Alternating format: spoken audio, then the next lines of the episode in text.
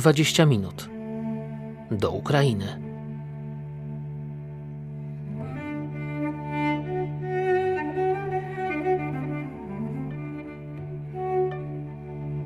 Podcast Międzynarodowego Centrum Kultury w Krakowie. Dom Chorodeckiego, zwany też domem z chimerami. Kijów, ulica Bankowa 10. Jeden z tych budynków, które pojawiały się w ostatnich dniach w relacjach, które z Kijowa nadawał prezydent Zełański. Chyba jeden z najbardziej charakterystycznych budynków kijowskich. Kijów jest co prawda wielkim miastem pełnym interesujących obiektów architektonicznych, ale dom z chimerami z racji swojego usytuowania na skarpie i na dodatek naprzeciwko budynku administracji prezydenckiej y, jest niemożliwy do ominięcia i przyciąga wzrok y, swoim secesyjnym rozpasaniem zdobniczym, te wszystkie stwory w większości prawdziwe, to znaczy mające odpowiedniki w prawdziwej przyrodzie, e, są przedstawione w taki sposób, że można przed tym domem godzinami stać i je oglądać. A sam Chorodecki to jest też niesłychanie ciekawa postać.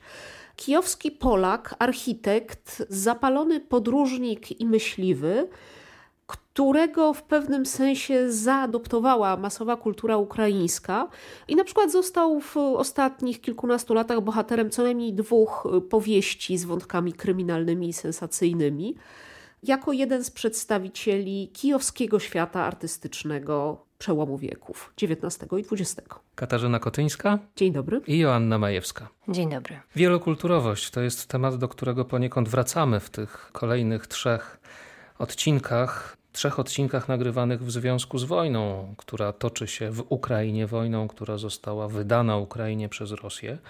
Wielokulturowość okazuje się ogromnym atutem ukraińskiego społeczeństwa, społeczeństwa zorganizowanego w dużym stopniu na wzór amerykański. Liczy się bardziej niż tożsamość etniczna, tożsamość stricte narodowa, tożsamość obywatelska. Jak to działa w praktyce? To jest trochę tak, że po prostu gdzie nie spojrzeć w ukraińskie społeczeństwo, na którą warstwę nie popatrzeć, czy będziemy myśleć o pisarzach, y, twórcach kultury, czy o politykach, czy o biznesmenach, czy jeszcze zupełnie inaczej sobie ustawimy soczewki, okaże się, że nie ma znaczenia pochodzenie etniczne osób, które tę warstwę reprezentują. To znaczy, że można tam znaleźć pełny wachlarz najrozmaitszych tożsamości etnicznych, które łączy właśnie to, że wszyscy ci ludzie uważają się za Ukraińców w sensie obywateli Ukrainy.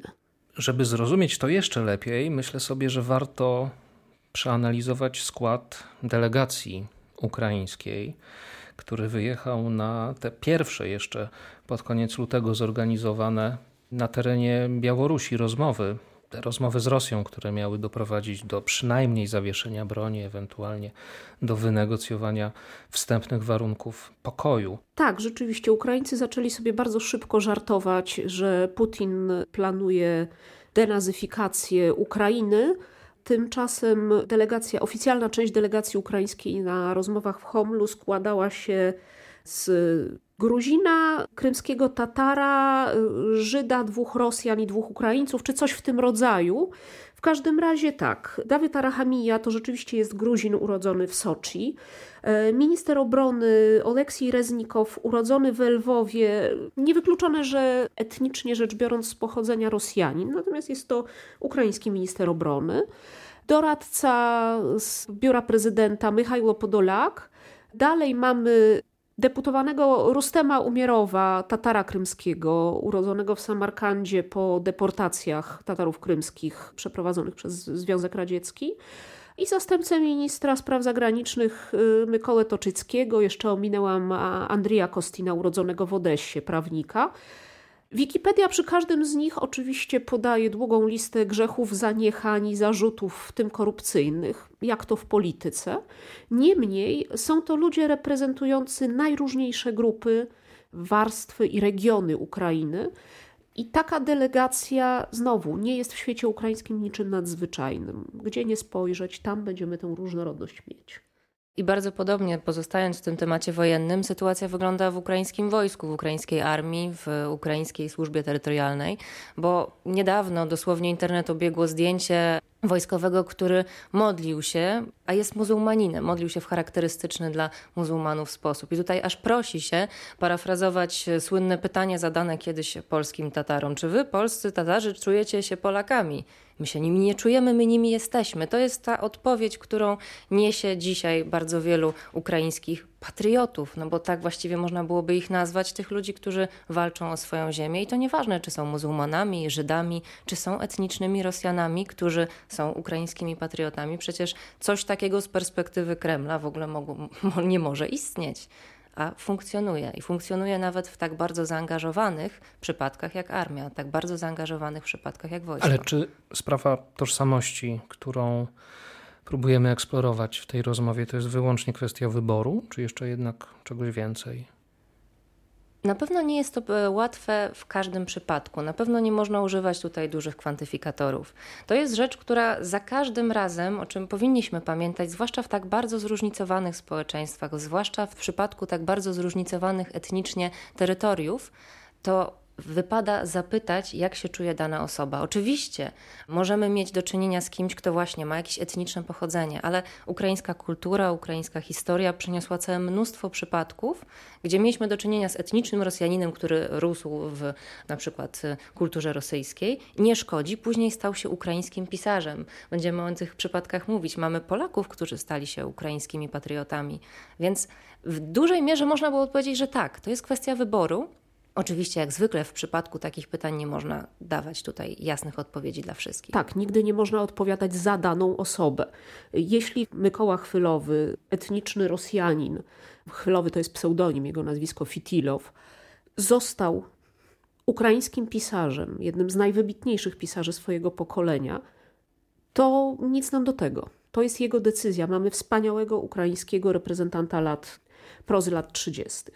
Jeśli Natalena Korolewa, niesłychanie popularna w okresie międzywojennym pisarka historyczna, ukraińska pisarka historyczna, wybrała, że jest Ukrainką i ukraińską pisarką historyczną, to my możemy co najwyżej jako ciekawostkę podać, y, że urodziła się y, w Hiszpanii i była córką polskiego hrabiego i hiszpańskiej grandesy, a pierwsze pięć lat życia spędziła z matką swojej matki, czyli z babcią y, na Wołyniu, po czym uczyła się w klasztorze we Francji, w Kijowskim Instytucie Szlachetnych Panien, w Petersburgu, no, w Uniwersytecie Madryskim w Sorbonie i została ukraińską pisarką historyczną niezwykle cenioną i popularną.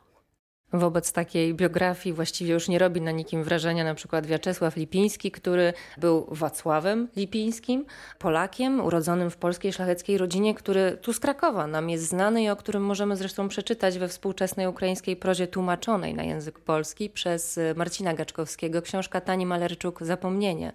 Wiaczesław Lipiński, który tutaj w Krakowie działa na rzecz ukraińskiej wspólnoty, później jest jednym z ważnych działaczy, monarchistą, ważnym działaczem politycznym Ukrainy. Ukrainy. I on jest z wyboru Ukraińcem. Jak się odnosicie do polonizowania nazwiska prezydenta Zeleńskiego?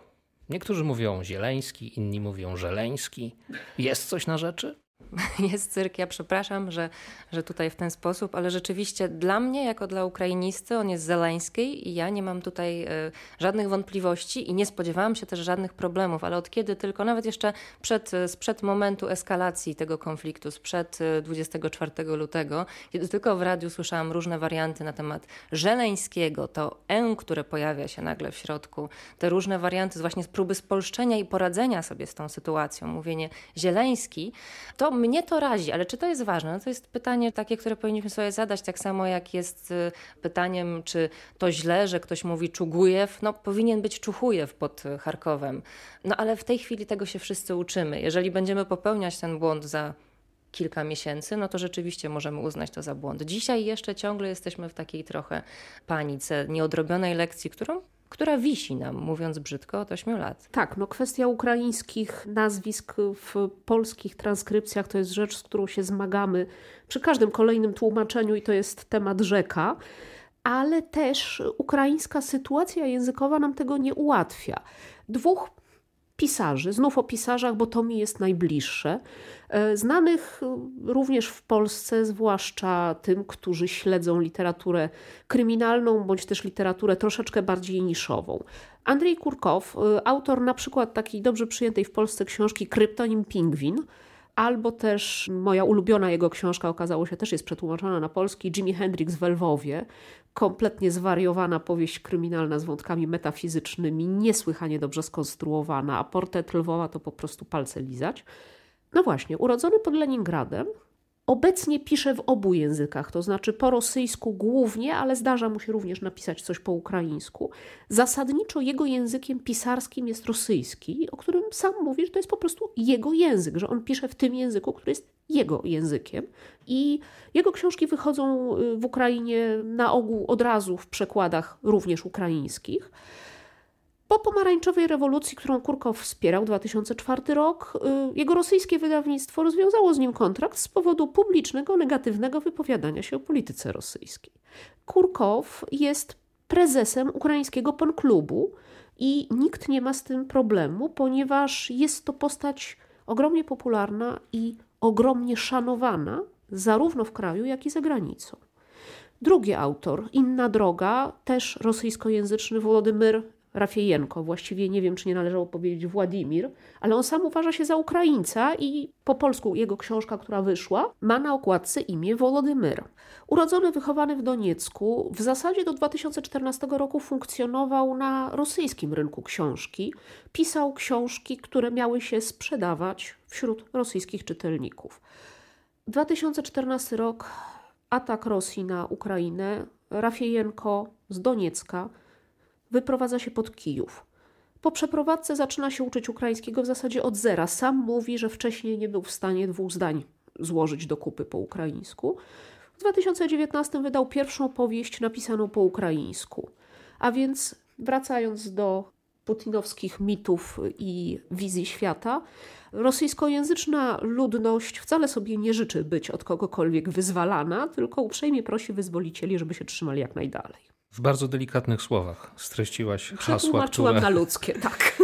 które od prawie dwóch tygodni obiegają internet i rzeczywiście to też zresztą wyróżnia, myślę sobie, tę tragiczną sytuację spośród wielu innych. Jednak pewien dystans, na ile on oczywiście jest możliwy, zawarty przynajmniej w języku czy w, w memach, w tym jak Ukraińcy radzą sobie doskonale zresztą z naturą mediów społecznościowych, z naturą internetu. I ten język również jest bardzo ważnym narzędziem. Przecież y, już chyba nikt nie pomyli flagi Ukrainy.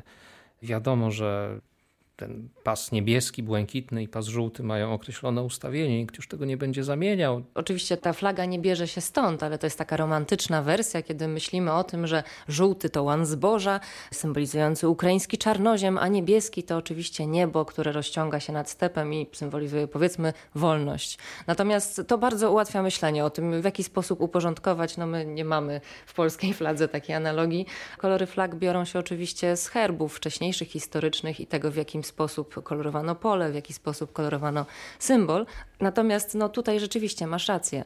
Oby nikt się już nigdy na ten temat nie pomylił. Ta flaga jest na tyle szeroka, na tyle pojemna, by rzec trochę metaforycznie, że mieści się pod nią zarówno Charków, jak i Użhorod, który z kolei jest y, miejscem bardzo środkowoeuropejskim, nie wschodnioeuropejskim.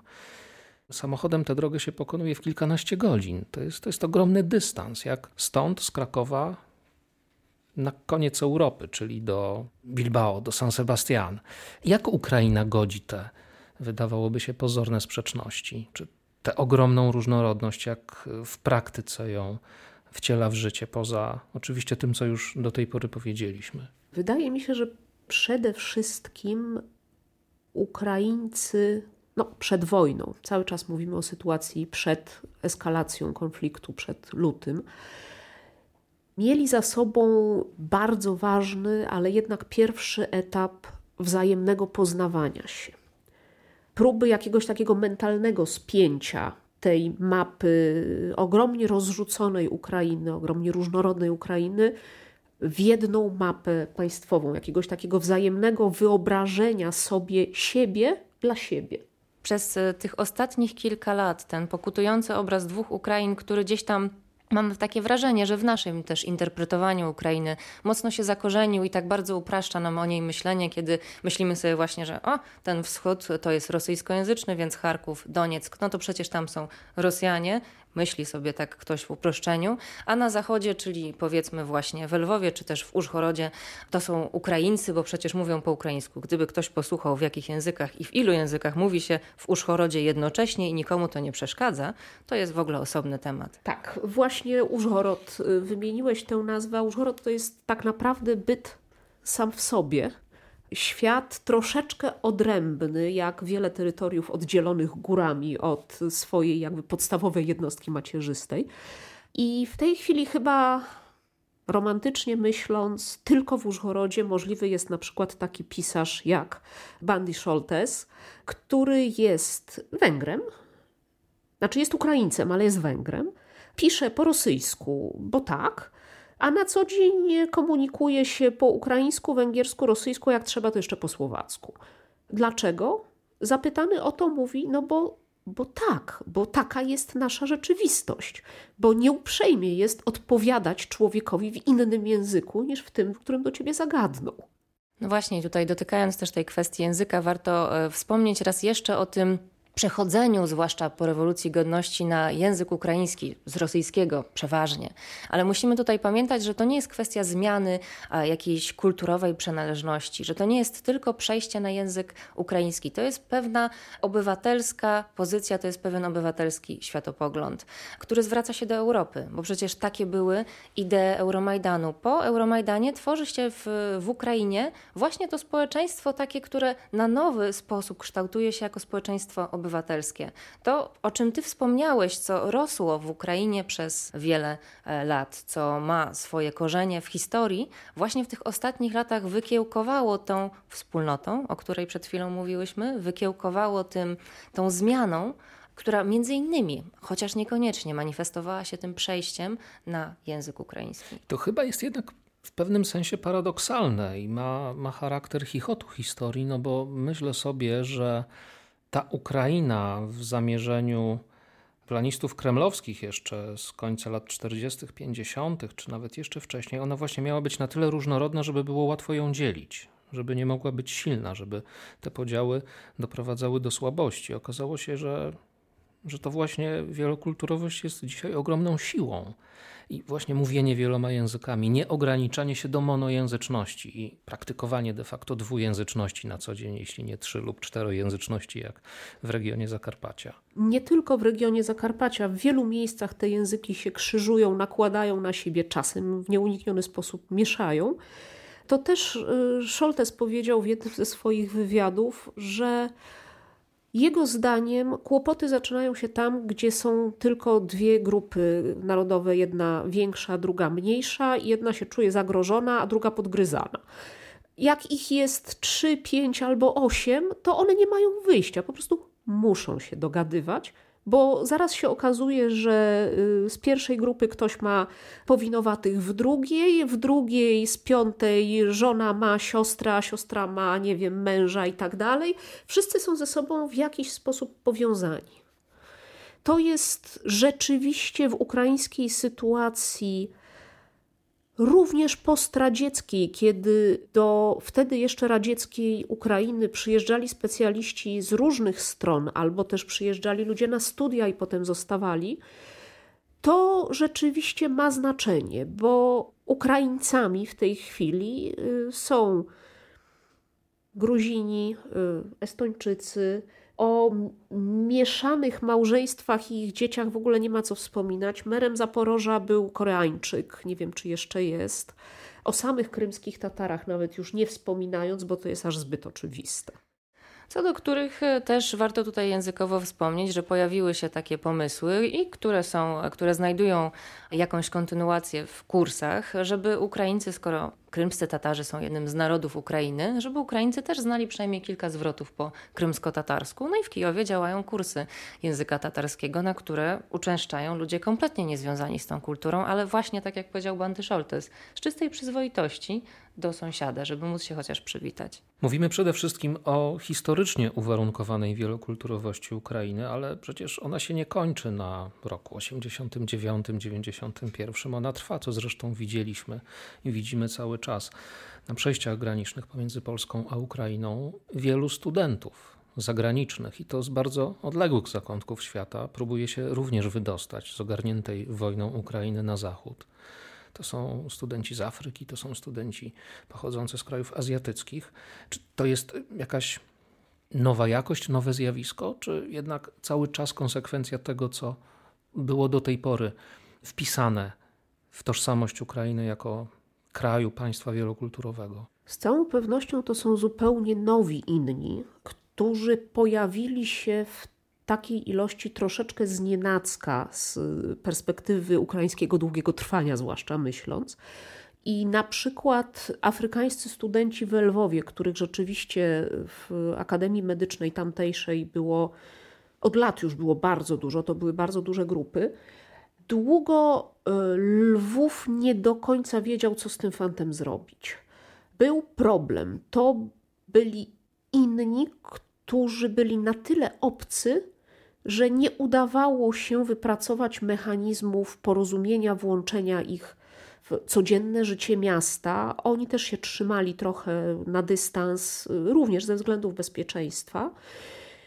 Wydaje mi się, że w ostatnich latach zaczęły się pojawiać różne inicjatywy włączające ich, zwłaszcza po 2014 roku, kiedy siłą rzeczy trzeba było jakoś się zacząć integrować z rosnącą społecznością, choćby krymsko-tatarską. No tylko, że jakby się to rozwinęło dalej, w tej chwili się nie dowiemy. W tej chwili będziemy mieć zupełnie nowe otwarcie i oby jak najszybciej, ale kontynuacji tamtych procesów ja bym się już nie spodziewała. W przypadku Kijowa będzie to samo, tylko studenci będą pochodzić z innych stron. Tak, no tak samo jak w przypadku Charkowa, gdzie w Charkowie bardzo wielka grupa studentów tureckich ta wielokulturowość w jakiś sposób, ta historyczna, o której mówiłeś, e, w jakiś sposób to ułatwia, ponieważ tak jak na przykład w naszym kontekście takiego monetnicznego kraju, polskiego kraju, gdzie pojawiają się jacyś inni, myślę, że ta droga jest nieco dłuższa w naszym przypadku niż w przypadku ukraińskim. Jakkolwiek oczywiście ona wcale nie, nie mówię, że była w dobrym punkcie. Tak jak Kasia mówi, zaczęły się zmiany, zaczęli się Ukraińcy opatrywać z tą sytuacją, jakoś się z nią oswajać. Jakkolwiek w dalszym ciągu była to jednak jakaś zmiana, jakaś nowość. Ci charkowscy Turcy w jakiś sposób wpisywali się, już powolutku zaczynali się wpisywać w ten kontekst, tak samo jak powiedzmy Koreańczycy. Ale tutaj też wydaje mi się, że e, to, co powiedziałam w kontekście historycznej wielokulturowości, Ukraina, będąc bardziej na wschód i tak jak ty przed chwilą powiedziałeś, mówiąc o tym, jak ona jest długa i jak bardzo jest e, to wielki kraj, dla niej te konteksty wschodnie są znacznie bardziej bliskie niż nam tutaj zupełnie inna jest ta perspektywa. Nawet jeżeli jeszcze ciągle nie gotowa na przykład na afrykańskich studentów w Lwowie, nie wszyscy, to w dalszym ciągu jednak bardziej otwarta na różne dziwne rzeczy, które mogą się wydarzyć, jeżeli moim sąsiadem jest Ukrainiec, Gruzin. Joanna Majewska. Dziękuję. I Katarzyna Kotyńska. Dziękuję. Bartosz Panek, dziękuję również. Do usłyszenia.